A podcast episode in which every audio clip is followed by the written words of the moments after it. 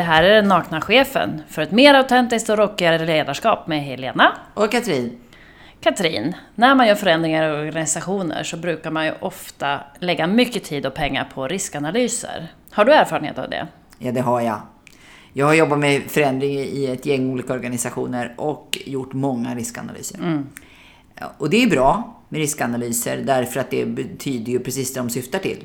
Att vi ska få grepp på vad finns för risker som vi har tänkt på eller inte tänkt på med den här förändringen. Och så involverar vi ofta ganska många människor för att få syn på alla risk, risker så att vi kan hantera dem. Jättebra.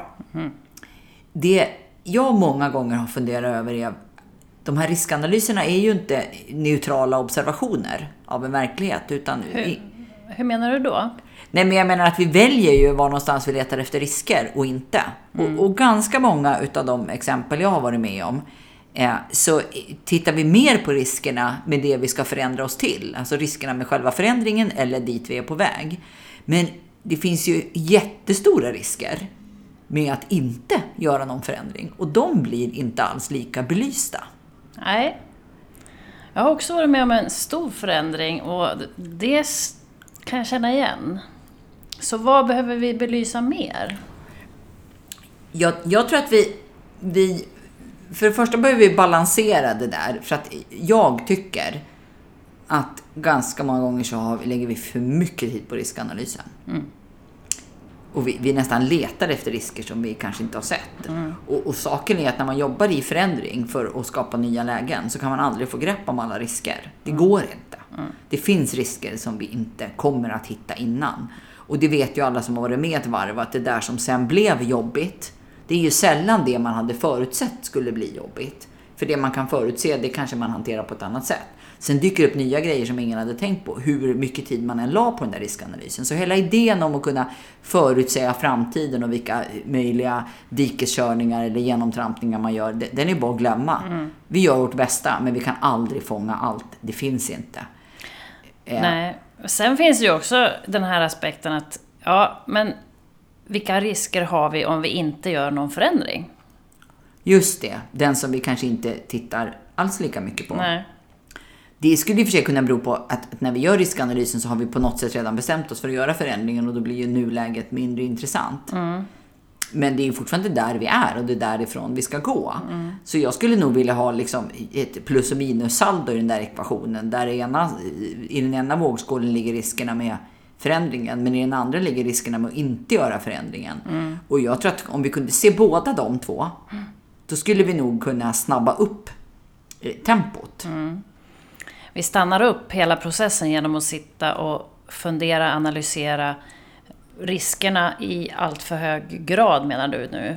Eller? Ja, precis mm, så. Mm. Och, och, och jag vill inte säga att vi ska låta bli att göra riskanalyser, för det tror jag är otroligt väsentligt. Men, men vi kanske ska balansera dem lite mot, mot andra verkligheter. Mm. Dels att vi tittar på risker både med att göra en förändring och att inte göra den. Mm. Så man får de här plus och minussaldorna som jag pratar om.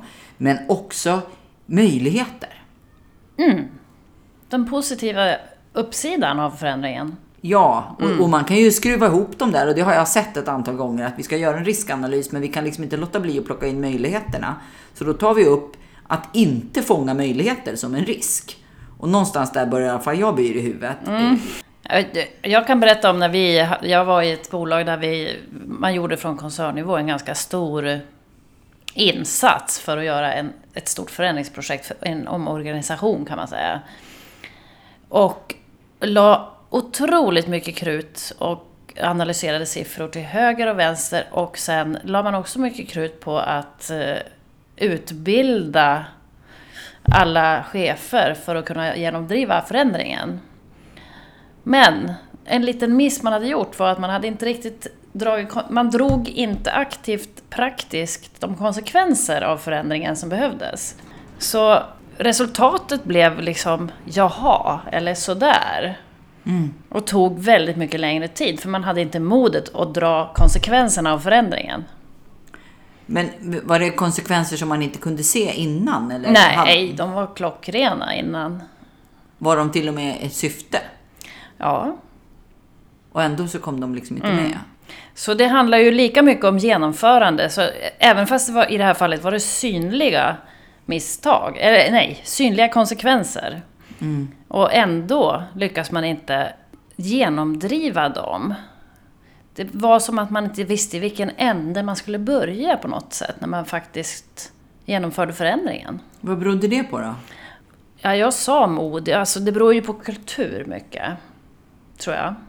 Det här var en, en väldigt värdedriven organisation. Eh, Det beror på politik högt upp.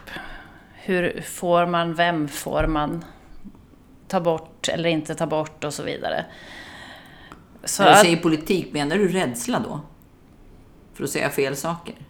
det tror jag är det som ligger till grund ba, bakom nästan all internpolitik. Att det finns en sån stark rädsla hur och vad man ska säga, vad man ska göra för att bibehålla sitt anseende och sin position.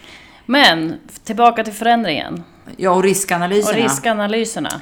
Jag arbetade en gång i en ganska stor organisation där, en, alltså där arbetet med riskanalyser var väldigt, väldigt aktivt och omfattande. Det här var en organisation där det var otroligt väsentligt att hålla ordning och reda på sina grejer. Alltså man jobbade med mycket känslig information eh, och det fick liksom inte bli fel. Och det var mycket rätt och fel i kulturen, därav. Eh, och eh, där var risk, riskanalyser var en, en stor del av verksamheten.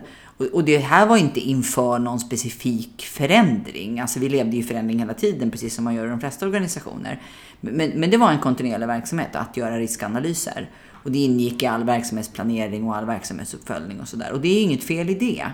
Men fokuset på dessa riskanalyser var så stort och tog så mycket kraft.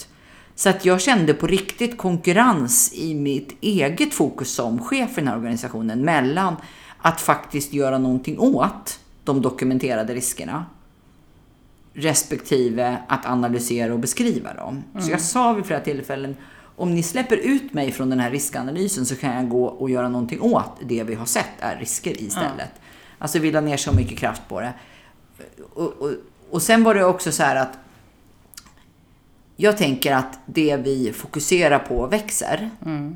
Det man ger energi åt är det som också blir fokuserat på åt andra hållet. Ja, precis.